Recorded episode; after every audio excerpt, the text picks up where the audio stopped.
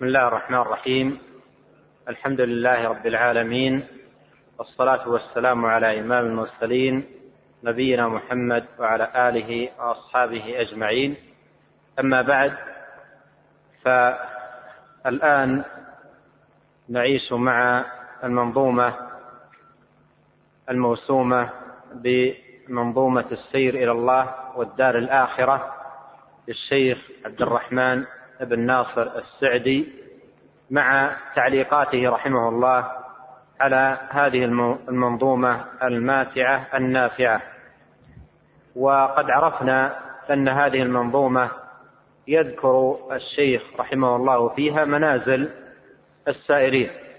وقد مر معنا منازل عديدة للسائرين إلى الله عز وجل والدار الآخرة. وقد وصلنا إلى منزلة التوكل. فلنقف على كلامه رحمه الله. بسم الله الرحمن الرحيم. الحمد لله رب العالمين والصلاة والسلام على أشرف الأنبياء والمرسلين نبينا محمد وعلى آله وصحبه أجمعين. أما بعد فيقول الشيخ رحمه الله تعالى صحب التوكل في جميع أمورهم مع بذل جهد في رضا الرحمن. يكمل العبد في هذين الأمرين وهما, وهما التوكل على الله والاجتهاد في طاعة الله. ويتخلف عن العبد الكمال بفقد واحد منهما. فحقيقة التوكل تجمع أمرين الاعتماد على الله والثقة بالله. فيعتمد على ربه بقلبه في جلب ما ينفعه في أمر دينه ودنياه فيبرأ من نفسه وحولها وقوتها ويثق بالله في حصول ما ينفعه ودفع ما يضره ويجتهد في الأسباب التي بها يتوصل إلى المطلوب. وتفصيل ذلك أنه إذا عزم على فعل عباده بذل جهده في تكميلها وتحسينها ولا يبقي من مجهوده مقدورا. وتبرأ من النظر وتبرأ من النظر إلى نفسه وقوتها بل لجأ إلى ربه واعتمد عليه في تكميلها. وأحسن الظن ووثق في حصول ما توكل به عليه. وإذا عزم على ترك معصية قد دعته نفسه إليها بذل جهده في الأسباب الموجبة لتركها من التفكر بها وصرف الجوارح عنها ثم اعتمد على الله ولجأ إليه في عصمته منها وأحسن الظن به في عصمته له فإنه إذا فعل ذلك في جميع ما يأتي ويذر رجي له الفلاح إن شاء الله تعالى.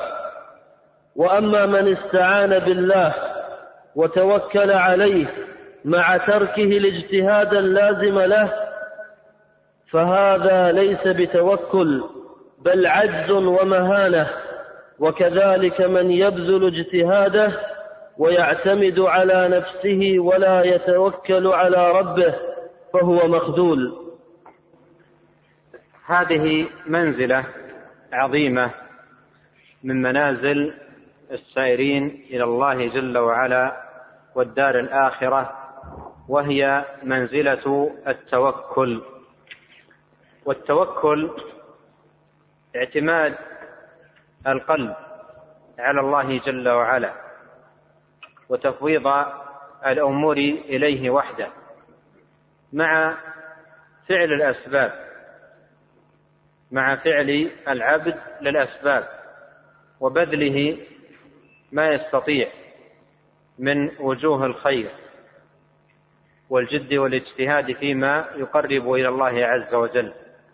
هذه حقيقة التوكل. وشأنه كما قال الشيخ رحمه الله مصاحب للمؤمن وتأملوا قوله في صدر أو في البيت الأول أو في في الشطر الأول من هذا البيت قوله صحبوا التوكل في جميع أمورهم. صحبوا التوكل في جميع أمورهم. هذا شأن أهل الإيمان مصاحبين للتوكل في كل أمر من الأمور من الأمور الدينية والأمور الدنيوية. المؤمن يتوكل على الله عز وجل فيما يعزم على فعله من طاعات وقربات وأيضا هو متوكل على الله عز وجل فيما يعزم على جلبه من مصالح آه، دنياه ومنافعه الدنيوية. فهو يحتاج إلى التوكل في هذا وذاك.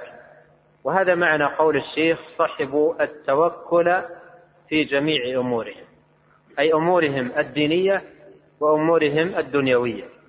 من يراد من أراد أن يصلي فيتوكل على الله. ومن أراد أن يصوم يتوكل على الله. ومن أراد أن يطلب العلم يتوكل على الله. ومن أراد أن يبيع ويشتري ويعامل الناس يتوكل على الله. فالتوكل مصاحب للمسلم في كل أموره. ولهذا كان من هدي النبي صلى الله عليه وسلم أنه يقول في كل مرة يخرج فيها من بيته بسم الله توكلت على الله لا حول ولا قوة إلا بالله. وهذه الكلمات الثلاث التي يقولها صلوات الله وسلامه عليه عند كل خروج له من بيته كلها كلمات توكل. فالباء في بسم الله للاستعانة. وتوكلت على الله هذا اعتماد وتفويض. ولا حول ولا قوة إلا بالله تبرع تبرع من الحول والقوة إلا بالله عز وجل. لأن معنى لا حول ولا قوة إلا بالله أي لا تحول من حال إلى حال ولا حصول قوة للعبد يباشر بها أعماله إلا بالله. وهي كلمة استعانة. وهي تحقيق عين كما أن لا إله إلا الله تحقيق لإياك نعبد. فهي كلمة استعانة تطلب العون من الله بقولك لا حول ولا قوة إلا بالله. ولهذا شرع لنا إذا نادى المنادي إلى الصلاة قائلا حي على الصلاة حي على الفلاح أن نستعين بالله. قائلين لا حول ولا قوة إلا بالله. يعني لا تحول لنا من حال إلى حال ولا حصول قوة نقوم بها بطاعة الله إلا بالله جل وعلا. فهذا توكل واعتماد على الله جل وعلا. فالنبي صلى الله عليه وسلم إذا خرج من بيته قال بسم الله توكلت على الله لا حول ولا قوة إلا بالله. كل هذا توكل واعتماد على الله. سواء كان هذا الخروج في مصالح الدين أو مصالح الدنيا. ويستحب لك أن تقول أن تقول ذلك في كل خروج لك من بيتك. إذا خرجت من بيتك لطلب العلم أو للصلاة أو للبيع أو للشراء أو لغير ذلك من المصالح تتوكل على الله وتعتمد على الله وتكون مصاحبا للتوكل في كل أحوالك. فليس التوكل في الأمور الدنيا فليس التوكل في الأمور الدينية فقط بل في الأمور الدينية والدنيوية. وأنت لا حول لك ولا قوة إلا بالله. لا لا لا قدرة لك على فعل أي شيء ولا قيام بأي عمل من الأعمال إلا إذا يسره الله لك وأعانه عليه. وعانك عليه فتستطيع القيام به. ولهذا من من المنازل العظيمة استصحاب التوكل أن تستصحب التوكل على الله جل وعلا في كل أمورك وفي جميع أعمالك. مع بذل السبب. مع بذل السبب. وهذا هو التوكل حقا. اعتماد قلبي تام على الله عز وجل وبذل للسبب. وبذل للسبب. هذا حقيقة التوكل أن يجمع العبد بين بين الأمرين. أما من يعطل الأسباب اعتمادا على التوكل فهذا حقيقته متواكل. التوكل حقا أن يعتمد العبد على الله مع بذله للسبب. بهذا أمرنا. الله عز وجل أمرنا بفعل الأسباب ودعانا إليها وهدانا وهدانا النجدين وجعل لنا مشيئة وإرادة نختار بها طريق الخير وطريق الشر. وقال وقال اتقوا الله ما استطعتم. فالعبد مطالب ان يبذل السبب لكن لا يعتمد على السبب نفسه وإنما يعتمد على الله جل وعلا. ولهذا الناس في هذا الباب باب التوكل على أقسام ثلاثة. القسم الأول هم المتوكلون على الله حقا وصدقا وهم من جمعوا بين الاعتماد التام في في قلوبهم على الله جل وعلا وبذلوا الأسباب الصالحة. وسلكوا المسالك المشروعة. وهؤلاء خير الناس. وقد جمع الله عز وجل بين هذين الأمرين اللذين هما حقيقة التوكل في آيات كثيرة. كقوله عز وجل إياك نعبد وإياك نستعين. وقوله تبارك وتعالى فاعبده وتوكل عليه. وقوله وتوكل على الحي الذي لا يموت وسبح بحمده. والآيات في هذا المعنى كثيرة. يجمع الله عز وجل فيها بين الأمرين. اعتماد القلب على الله جل وعلا مع بعد مع بذل الأسباب. وما توفيقي إلا بالله. إن أريد إلا الإصلاح ما استطعت. وما توفيقي إلا بالله. عليه توكلت. فجمع بين فعل السبب والاعتماد على الله تبارك وتعالى. وهكذا في السنة. أحاديث كثيرة يجمع فيها النبي عليه الصلاة والسلام بين هذين الأمرين اللذين هما حقيقة التوكل ومن ذلك قوله في حديث أبي هريرة آه، احرص على ما ينفعك واستعن بالله. فذكر الأمرين احرص على ما ينفعك هذا بذل السبب واستعن بالله. هذا الاعتماد على الله جل وعلا والتوكل عليه. ولما قال له رجل في شأن الناقة أعقلها وأتوكل أو أطلقها وأتوكل؟ قال أعقلها وتوكل. أمره ببذل السبب أن يعقل الناقة أي أن يضع في رجلها العقال حتى لا تذهب. ولا يعتمد على العقال وإنما يعتمد على الله. وضع العقال في يدها هذا بذل للسبب. أما الاعتماد فإنما يكون على الله سبحانه وتعالى. وفي الحديث الآخر قال صلى الله عليه وسلم لو توكلتم على الله حق توكله لرزقكم كما يرزق الطير تغدو خماصا وتروح بطانا فجمع صلوات الله وسلامه عليه بين الأمرين بذل السبب والاعتماد على الله. قال لو توكلتم على الله حق توكله لرزقكم كما يرزق الطير. ثم ثم بين لنا شأن الطير أنها تغدو خماصا أي في الصباح الباكر تذهب خماص أي خاوية البطون ليس في بطنها شيء من الطعام. وتذهب المسافات الطويلة تبحث عن ماذا؟ عن الحب وعن الماء وهذا بذل للأسباب. فالطير تبذل السبب. تبذل السبب. قال لرزقكم كما يرزق الطير. هي لا تبقى في عشها. ولا تستكين في وكرها انتظارا لاتيان الحب لها وإنما تذهب تذهب تقطع بعض الطيور مسافات طوال تبحث عن أماكن الحب وموارد الماء. فتطعم وتشرب ثم تعود. تغدو خماصا وتروح بطانا اذا هذا فعل للسبب. فجمع عليه الصلاة والسلام بين الأمرين فعل السبب والاعتماد على الله والنصوص في هذا المعنى كثيرة فهذا حقيقة التوكل ولما قدم قوم من اليمن بلا زاد وقالوا نحن المتوكلون. نزل قول الله تعالى وتزودوا فإن خير الزاد التقوى. ولما رأى عمر بن الخطاب رضي الله عنه قوما هذا شأنهم قال بل أنتم المتواكلون. إنما المتوكل حقا الذي يلقي حبه في, في, في, في, في, في الأرض ويتوكل على الله. يعني إذا أردت أن تزرع التوكل أن تضع الحب وتسقيه بالماء وتعتمد على الله سبحانه وتعالى. أما أن يجلس الإنسان معطلا عن فعل السبب اعتمادا على التوكل فهذا ليس متوكل وإنما هو متواكل ونهايته إلى خذلان ونهايته إلى حرمان. فإذا آه، الناس ثلاثة أقسام. القسم الأول من يعتمد على الله ويبذل السبب. يعتمد على الله ويبذل السبب.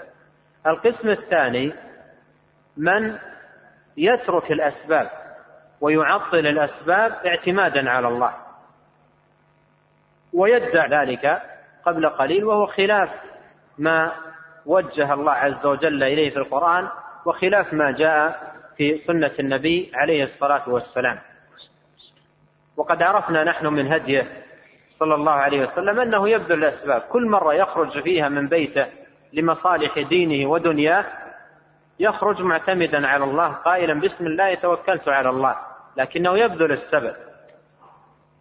و و و ولا يعتمد على السبب وإنما يعتمد على الله جل وعلا. فليس من الدين أن يكون الاعتماد على الله عز وجل بتعطيل الأسباب وتركها. والله عز وجل جعل الأمور منوطة بأسبابها. ولهذا جاء في الحديث الصحيح أن النبي صلى الله عليه وسلم قال إنما العلم بالتعلم وإنما الحلم بالتحلم. فالذي يريد العلم يتعلم. ولهذا تأتي الأحاديث الكثيرة في الحث على طلب العلم. من سلك طريقا يلتمس فيه علما. هذا ما هو؟ بذل للسبب. من سلك طريقا يلتمس فيه علما. سهل الله له به طريقا إلى الجنة. وإن الملائكة لتضع أجنحتها لطالب العلم رضا بما يصنع. فطريقة تحصيل العلم تكون ببذل السبب في تحصيله ونيله. لكن لو أن إنسانا جلس في بيته وانشغل في لهوة. وقال أنا متوكل على الله. إن شاء الله عز وجل أن أكون من كبار العلماء ومن الأئمة العظام أكون. لكن أنا لن أطلب العلم إلى أن أموت. هذا يموت ولا ولا ولا يتعلم. لأنه ترك السبيل والمسلك الذي به يحصل العلم. وكان من هديه عليه الصلاة والسلام أن يقول كل يوم بعد صلاة الصبح اللهم إني أسألك علما نافعا وعملا صالحا ورزقا طيبا. هذا استعانة بالله. ثم يتبع ذلك ببذل الأسباب. وهكذا من اتبعه وسار على نهجه صلوات الله وسلامه عليه يقول هذا الدعاء ويبذل السبب بقية يومه. لكن لو أن رجلا جاء في الصباح الباكر وقال اللهم إني أسألك علما نافعا وعملا صالحا ورزقا طيبا ثم سحب الوسادة ونام إلى صلاة الظهر. يأتيها العلم النافع. ما ما بدل السبب. الله عز وجل جعل الأمور مرتبطة بالأسباب. أنت إذا قلت اللهم إني أسألك علما نافعا تبذل السبب. ولهذا قال الشاعر تمنيت أن تمسي فقيها مناظرا بغير عناء والجنون فنون وليس اكتساب المال دون مشقة تلقيتها فالعلم كيف يكون؟ يعني العلم ما يأتيك بدون بذل سبب وبدون جد واجتهاد وصبر ومصابرة ما ما تحصل العلم. ومثل هذا أيضا لو أن شخصا قال إن شاء الله عز وجل أن يكون لي أولاد. يكون أولاد. أنا معتمد على الله لكنني إلى أن أموت لن أتزوج. ولن أتسرى إن شاء الله عز وجل أن يأتيني أولاد ويصبح لي أولاد يأتيني الأولاد. هذا يموت وما يأتيه الأولاد. وكذلك من عنده أرض آه، يعطل الأسباب فيها في بذرها في سقيها في هذا معطل الأسباب. ليس هذا التوكل آه، الذي أمرنا به. التوكل الذي أمرنا به مرتبط بفعل الأسباب كما ترى ذلك واضحا في كتاب الله عز وجل وسنة نبيه صلى الله عليه وسلم. إذا هذا طريق خاطئ. من يعتمد على الله ويعطل السبب. ونحن مأمورون بفعل الأسباب الدينية والدنيوية. معتمدين على الله لا على هذه الأسباب. والأمر أو المسلك الثالث من يعتمد على السبب يفعل السبب ويعتمد عليه لا على الله تبارك وتعالى. وهذا نهايته إلى حرمان عياذا بالله من ذلك. فالأسباب لا يعتمد عليها لا يعتمد عليه وإنما يعتمد على مسبب الأسباب ورب العالمين تبارك وتعالى. الذي إنما أمره إذا أراد شيئا أن يقول له كن فيكون. فلا يعتمد على السبب وإنما يعتمد على الله جل وعلا. فهذه أقسام الناس في التوكل والتوكل حقا وصدقا هو من جمع بين الأمرين الاعتماد على الله مع بذل الأسباب. ولهذا قال الشيخ رحمه الله في المنظومة صحبوا التوكل في جميع أمورهم مع بذل جهد في رضا الرحمن. مع بذل جهد. ليس فقط توكل وتعطيل للسبب أو تعطيل للجهد لا مع بذل جهد في في رضا الرحمن. فيجتهد ويجد وينصح لنفسه ويبذل وسعه. مستعينا بالله تبارك وتعالى لا لا لا معتمدا على هذه الأسباب التي يباشرها ويقوم بها. ثم يقول رحمه الله موضحا ذلك يكمل العبد في هذين الأمرين يعني اللذين أشار إليهما في النظم وهما التوكل على الله والاجتهاد في طاعة الله. قال ويتخلف عن العبد الكمال بفقد واحد منهما أي بفقد الاعتماد على الله أو بفقد بذل الأسباب. يفوت الكمال بفقد واحد من هذين الأمرين. إما فقد الاعتماد على الله أو فقد بذل السبب. فحقيقة التوكل تجمع أمرين الاعتماد على الله والثقة بالله فيعتمد على ربه بقلبه في جلب ما ينفعه في أمر دينه ودنياه فيبرأ من نفسه وحولها وقوتها ويثق بالله في حصول ما ينفعه ودفع ما يضره ويجتهد في الأسباب التي بها يتوصل أو يتوصل إلى المطلوب هذا هو التوكل حقيقة الجمع بين هذين الأمرين ثم ذكر الشيخ رحمه الله تفصيلا نافعا جدا لك أيها المؤمن عندما تريد أن تطبق التوكل في حياتك وفي أمورك الدينية وأمورك الدنيوية وفي تركك وفي تركك لمعصية الله كيف تتوكل؟ يعني ما ما ما المسلك الصحيح والمسار القويم الذي تباشره لتكون من المتوكلين حقا. حقيقة نبه تنبيها نافعا جدا في سير المؤمن في هذه المنزلة. قال وتفصيل ذلك أنه إذا عزم أي المؤمن على فعل عبادة بذل جهده في تكميلها وتحسينها. يعني أردت أن تصلي. تحسن الوضوء تحسن الطهارة تحسن السير إلى المسجد تحسن أداء شروط الصلاة أركان الصلاة واجبات الصلاة. تحسن في ذلك وتبذل ما تستطيع في الإحسان في هذا الأمر. ثم ماذا؟ قال ولا يبقي من مجهوده مقدورا وتبرأ من النظر إلى نفسه وقوتها. ومع هذا لا تنظر إلى نفسك. ولا تنظر إلى إتقانك وإجادتك وإحسانك وإنما هذه أسباب تبذلها وأنت في ذلك كله معتمدا على الله تبارك وتعالى متوكلا عليه. بل لجأ إلى ربه واعتمد عليه في تكميلها وأحسن الظن وثق في حصول ما توكل به عليه. هذه طريقه طريقة التوكل في أداء الطاعات. وإذا عزم على ترك معصية يعني دعته نفسه إلى فعل معصية من المعاصي فكيف يتركها معتمدا على الله عز وجل؟ قال وإذا عزم على ترك معصية قد دعته نفسه إليها بذل جهده في الأسباب الموجبة لتركها يبذل جهده واستطاعته في البعد عن المعصية وعن كل أمر يقرب منها أو يدني إليها. آه، بذل جهده في الأسباب الموجبة لتركها من التفكر بها وصرف الجوارح عنها. ثم اعتمد على الله ولجأ إليه في عصمته منها. وأحسن الظن به في عصمته له. فإنه إذا فعل ذلك في جميع ما يأتي ويذر رجي له الفلاح إن شاء الله تعالى.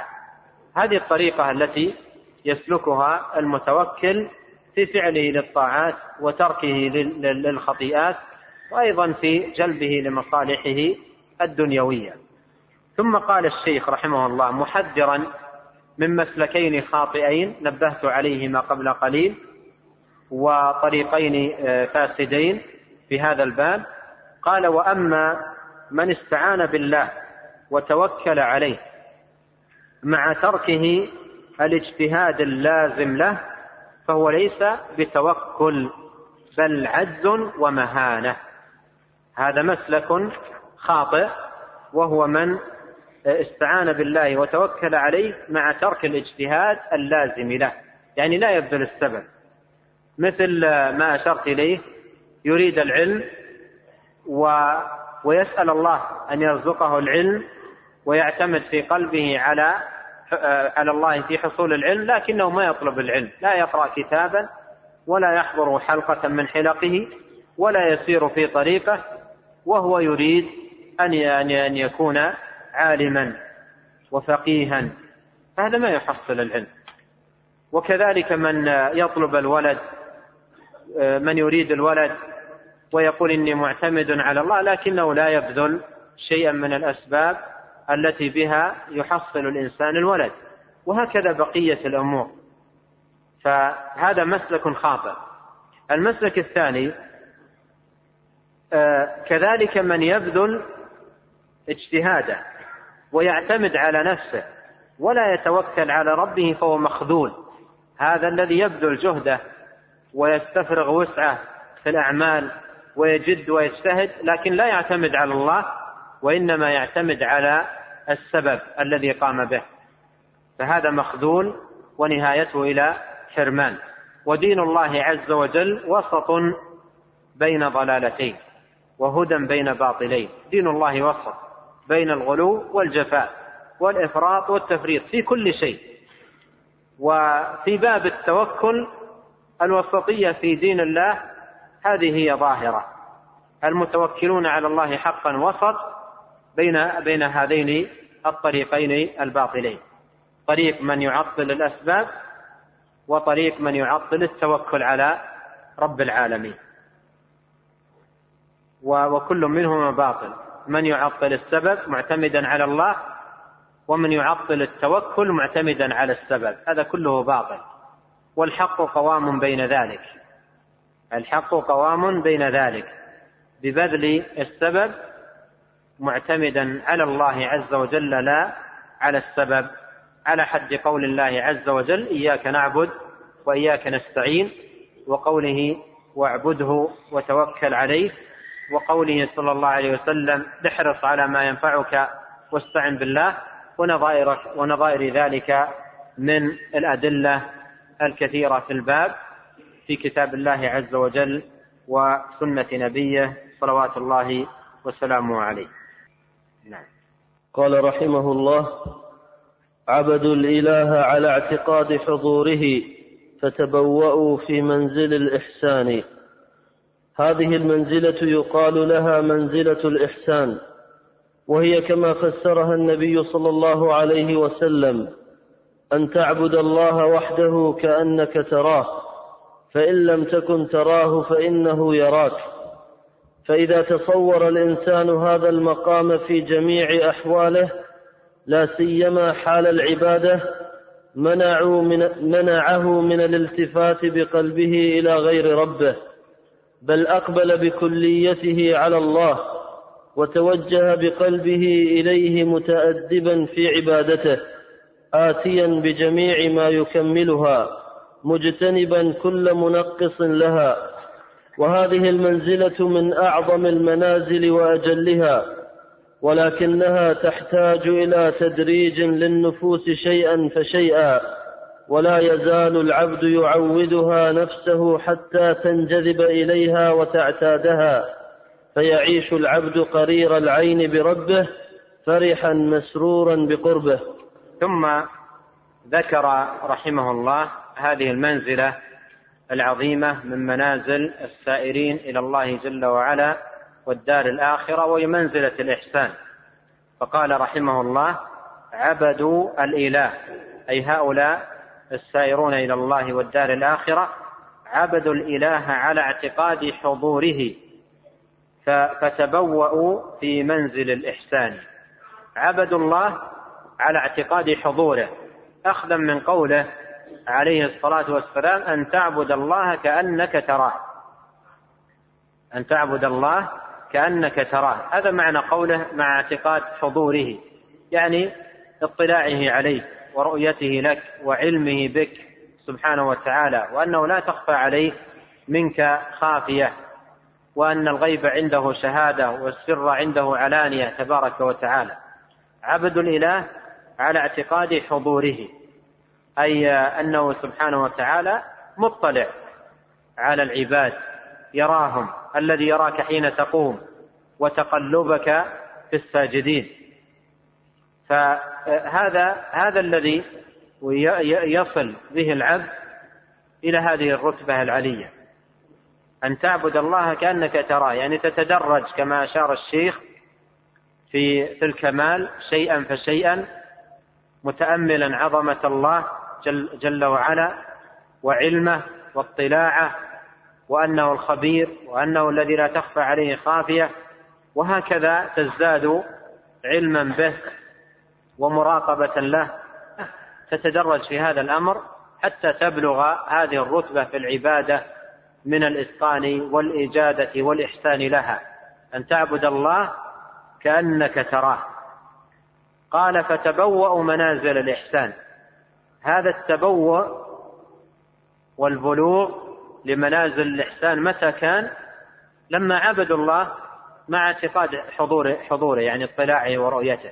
وهذه لفتة من الشيخ رحمه الله أن درجة الإحسان الوصول إليها من هذا الطريق. أن يقوي الإنسان معرفته بالله. ولهذا فإن باب العلم العلم بأسماء الله وصفاته. باب عظيم هو أشرف العلوم وأنفعها للعبد وأكثرها عائدة عليه. وقد قال الله عز وجل إنما يخشى الله من عباده العلماء. وقال تعالى قل هل يستوي الذين يعلمون والذين لا يعلمون؟ ولهذا قال بعض السلف من كان بالله أعرف كان منه أخوف. فإذا ازداد العبد علما بالله وبأسمائه وصفاته وعظمته وجلاله وكماله واطلاعه وعظيم اقتداره سبحانه فكل ذلك يقوي فيه آه، الإحسان في العبادة. هذا الذي يوصله إلى أن يتبوأ منازل الإحسان.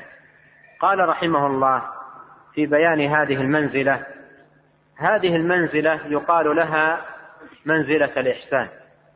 وهي كما فسرها النبي صلى الله عليه وسلم أن تعبد الله وحده كأنك تراه فإن لم تكن تراه فإنه يراك. وهذه الجملة كما لا يخفاكم وردت في حديث جبريل المشهور عندما سأل جبريل النبي صلى الله عليه وسلم عن الإحسان فأجابه النبي صلى الله عليه وسلم بهذا الجواب.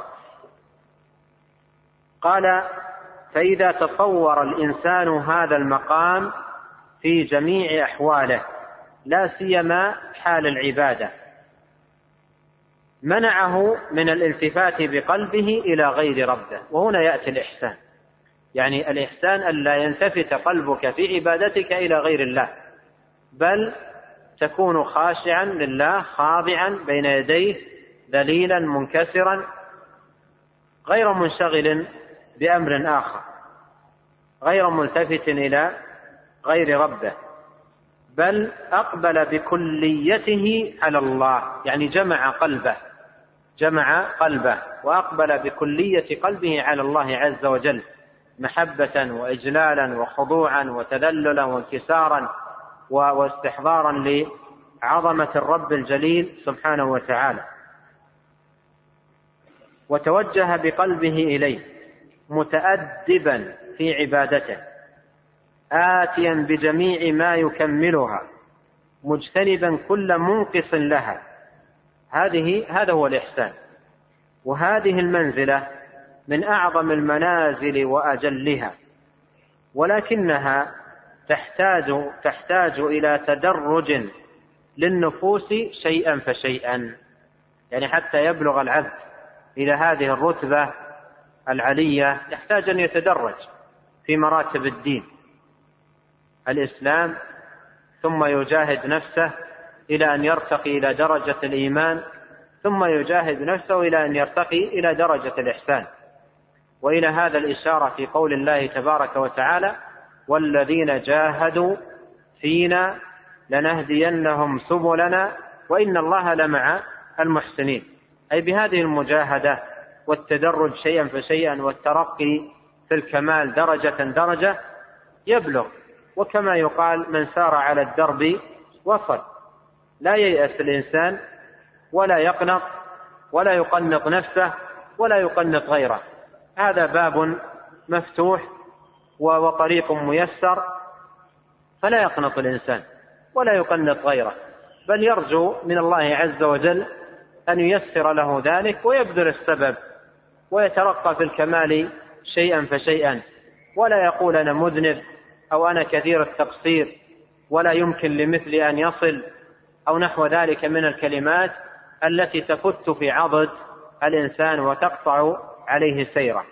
بل يجاهد نفسه ويتدرج شيئا فشيئا ويرتقي درجة درجة إلى أن يصل بإذن الله تبارك وتعالى وحوله وقوته إلى هذه الرتبة العالية. وليس عزيز على الله تبارك وتعالى أن يسر لعبده ومن جاهد نفسه في طاعة الله تبارك وتعالى أن يبلغه هذا الخير وأن يهديه إلى هذه المنزلة العظيمة. قال تحتاج إلى تدرج للنفوس شيئا فشيئا. وهنا الشيخ ينبه على خطأ يقع فيه كثير من السائرين. ولا سيما من كان في أول الاهتداء وفي بداية الطريق.